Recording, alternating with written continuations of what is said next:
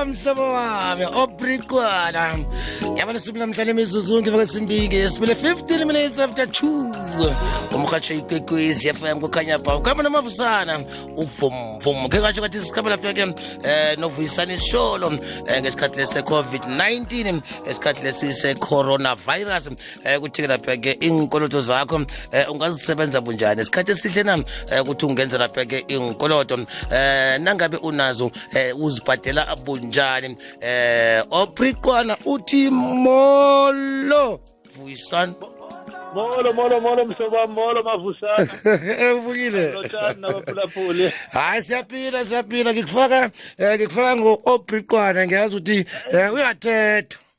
Hayi hayi hayi ndiyabona yabona uyanizama chini yini le? Yini, mfundisi? yes yes sir. Ya nje sisesikhathini esibudisi sisekhathi sesikhathini se-covid-19 eh abantu sinenkolodo ngapha nangapha eh azibhadeleki eh asazi ukuthi-ke sisebenze bunjani. Ungazisebenza bunjani inkolodo zakho eh nge-covid-19 nje? Nangabe mhlawumbe umuntu unenkolodo alright angibingelele kubaphulaphuli mavusana ngibonge kakhulu ngale opportunity nalesi sikhathi. Eh mavusana we are in a trying season. Isikhathi esikusona sibucayi kakhulu. I-covid-19 ifana nestorm. And engifuna ukusho kubaphulaphuli ukuthi abalaleli ababambe lento yokuthi akekho umuntu obuildayo in the middle of the storm. Akusona isikhathi sokwakha lesi but isikhathi sokusurvive. So abazame abalaleli bangafocus ekuthini ukuthi ba- bakhe anything but bafocus ekuthini abasurvive so that mase siphela lesi sikhathi ngoba isizini vele izodlula. Kodwa imisidlula abe ekwiposition engcono yokuthi umlaleli anga- angakhona ukuthi aphume ematyaleni alwe namatyala kanjalo kanjalo. Now the first thing engicela uku-advise nomlaleli ukuthi focusa ekutheni usurvive nazi izinto ongazenza.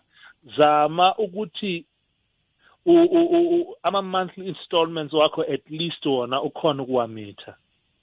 Yenza sure noma ukuthi awukwazi ukubhatala extra kodwa at least yenza sure ukuthi uyakwazi at least uhlangabeza nama-monthly installment wakho. Uma ukuthi kuyenzeka ukuthi mhlawumbe uluze umsebenzi mhlawumbe awusakhona ukuthi ukhokhe kahle ama-monthly installments wakho namatyala ukuthi uwabhatale kahle ngiyacela ungathuli. Xhumana nalo muntu omkolotayo. Umtshela ukuthi manje isimo sibucayi uya nawe uyabona i-covid-19 ingi-affectile singenza kanjani? Ngaba kukhona yini i-financial support ongangisiza ngayo? Because uzothola ukuthi amanye ama-institutions nama-creditors ayakhona ukuthi mhlawumbe a-extende ama-credit terms wakho uthole ukuthi mhlawumbe yo yo isk- i- isikhathi lebu uzokhokha ngayo le debt bayi-extende. Noma uthole ukuthi sometime bazokunikeza ama-payment holiday you know because for this six months mhlawumbe you won't pay. So ak- akhona lawo ma-measures akanjalo. So that's why ngithi focusa on surviving. Make sure lama monthly installment uyawahlangabeza wona. Uma ukuthi awukwazi wenze lokho esengikushilo. Vu- vuyilo sikhuluma ngenkolodo ezingangani? Awuphinde futhi? Sikhuluma nge- ngesikolodo esingangani la? Eh isikolo Asti- esingangani? estimate mhm. mavusana u- u- usho ukuthi mhlawumbe mesikhuluma ukuthi mhlawumbe sikhuluma inkolodo zendlu ikoloyi mhlawumbe Yeah. isikolodo sepuphu ubukhulu besikolodo esikhuluma ngazo la ngezinganga ngicela mavusane siyigeneralize siqale lapho kucolleague wakho omkolota imali Mhm. ye- ye-transport ye-fuel. Sibuye sibe sesiya lapho kuma-vehicle finance kuma-home loans. Asivele nje sikhulume nje ngesikoloto nje in general. Ngibambela njalo sithengise angikolodisi ungabeki phasi okay alright sure. Sarakashika phambili-ke namahlala amnandi wala kugokwez fm imasumi amabili nanye imizuzu ngeveka simbi ngeyesibili 21 minutes after 2 emoyeni sinaye lapha-ke uvuyisani isholo um sikhuluma lapha-ke ngenkolodo njengoba sisesikhathini esibudisi nje um isikhathi se-covid-19 vuyani?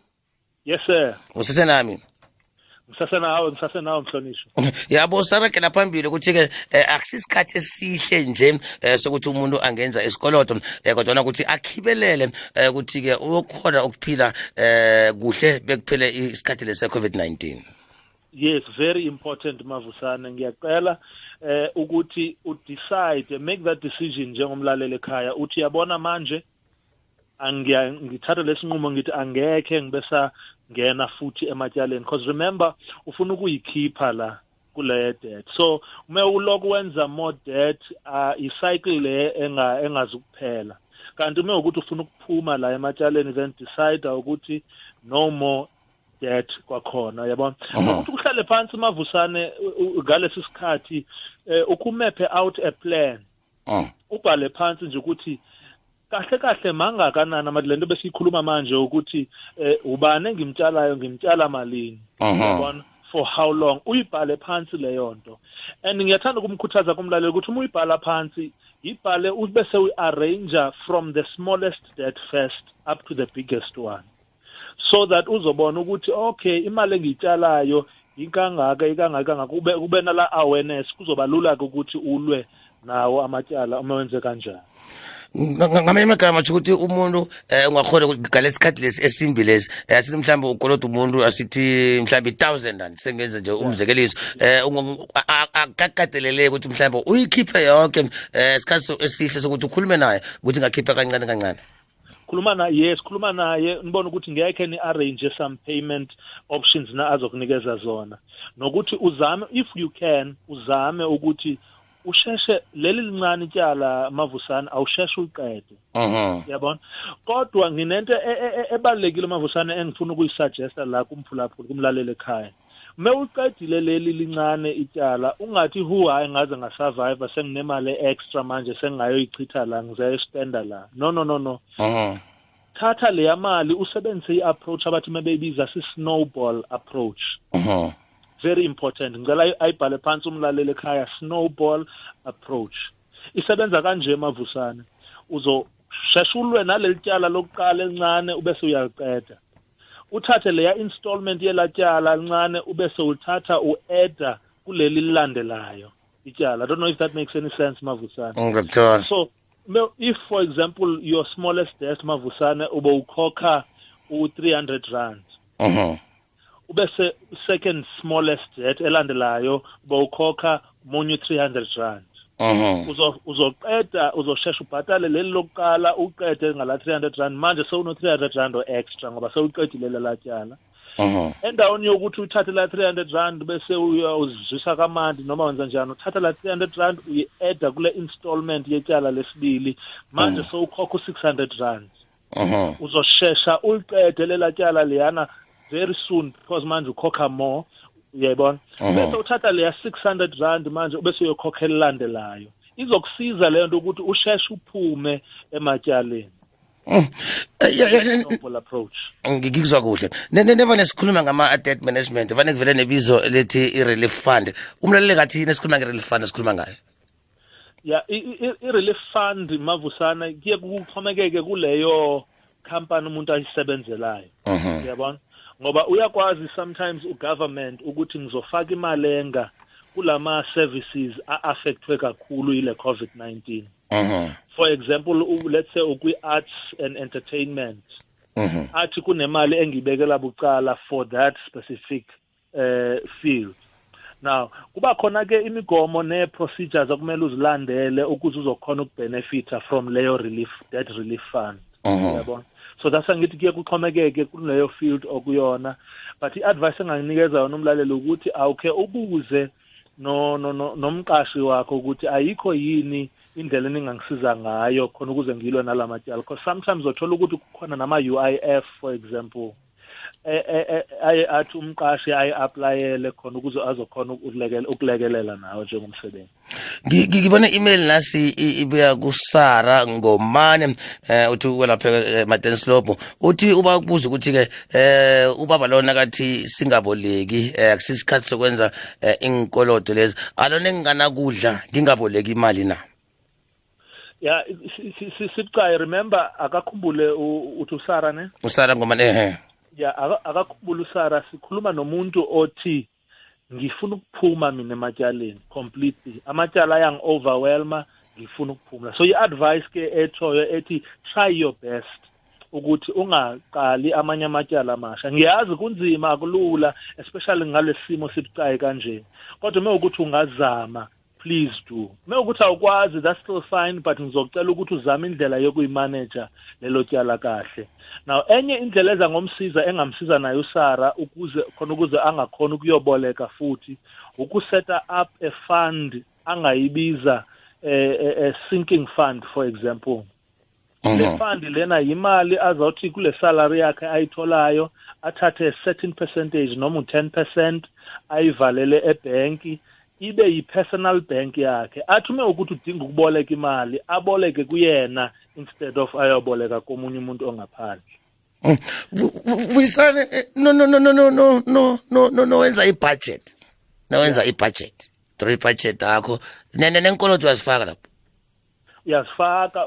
Menza i-budget mavusana ufaka everything. Now kunale misconception mavusana ethi mengenza i-budget ngizifake eprisonini eh angazi mhlawumbe ngathi ngifake ejele ngeke ngikhona uku-enjoy imali yami kanjani kanjani uyayibona? I-misconception le engicela ukuthi umlaleli ohlukane naye ngoba uma wenza i-budget futhi uyenza kahle uyenza in such a way that mavusana uyayitshela le mali encane onayo ukuthi ayiyephi yenzeni. Now the best way yokuthi wenze i-budget ukuze ungafili ngongathi usejele. Ukuba nento othi ethi mangiyibiza lapha kule ncwadi yami ethe 10 money mistakes i made that you must avoid ekuthiwa yi-30 day spending plan. So is to come up with a spending plan. So lapho before wenze any budget awukhuthi ube nencwadi encane even if i-pocket book. Noma yini oyithengayo yibhale phansi this is uthenga airtime ngemalenga. Noma yini oyithengayo. Mase kuphela inyanga ubese uyahlala phansi uya-check ukuthi imali yami iyakuphi kahle kahle. Yikuphi la ngingakhatha khona? Yikuphi la nginga-adda khona? Khona ukuze ngizokhona ukusurvive then you can create your budget from there. Eh vuya isikhathi sethu sesiyasibetha eh mhlambe amagama akho wokugcina eh ngaphambi ukuthi siyisonge amaphuzu esiwachileko very important focus on surviving laleli manje. Isikhathi sibucayi yenza sure ukuthi at least uyasurvive. Bose ukuthi-ke mase yiphelile le season ye-covid-19 bese uyaqala-ke manje ukuthi uyaphila kahle. Number two it is possible to get out of debt. It is possible to get out of debt. Angivele ngiyivale kanjalo mavusana umlayezo wakho ku-covid-19 mhlawumbe umlayezo okhuthaza? Let's stay safe man. It's possible ukuthi siyilwe lento futhi size siyiqede. Asilandele nje lemigomo ebekiwe ekuthiwa siyenze leyo ukuthi siwe sigqoka amamaski singayi lapho kunganyanzelanga ukuthi siye. And uma ukuthi uyazizwa ukuthi unayo noma yi-flu encane ngoba kunento challenging mavusane manje angezwa umuntu okhala nge-flu ever since kwa-introducewa le covid-19 but uma ukuthi uyenzeka ukuthi uthi unayo i-flu hlala ekhaya please uzimonitorishe uma ukuthi uyasokola ukubreatha kanjani bese ufonela udokotela wakho. Magama akhuthazako lawo sikuthola kuphi njani ku-social media? Akhe ningithole lapha ku-youtube vuyisani sholo khona ukuze sizokhuluma kahle nge-content ezizokwakha umlaleli ekhaya. Vuyisani sholo noma ku-facebook eh, at mr v sholo mr v u-v-e-e sholo. Noma ningibambe ku-whatsapp 073 233 4343 noma niye ku-instagram at v sholo. Sithokozele isikhathi sakho ngitsho? Ngiyathokoza ba aha half past two kukhanya ba. Kukhanya 吧。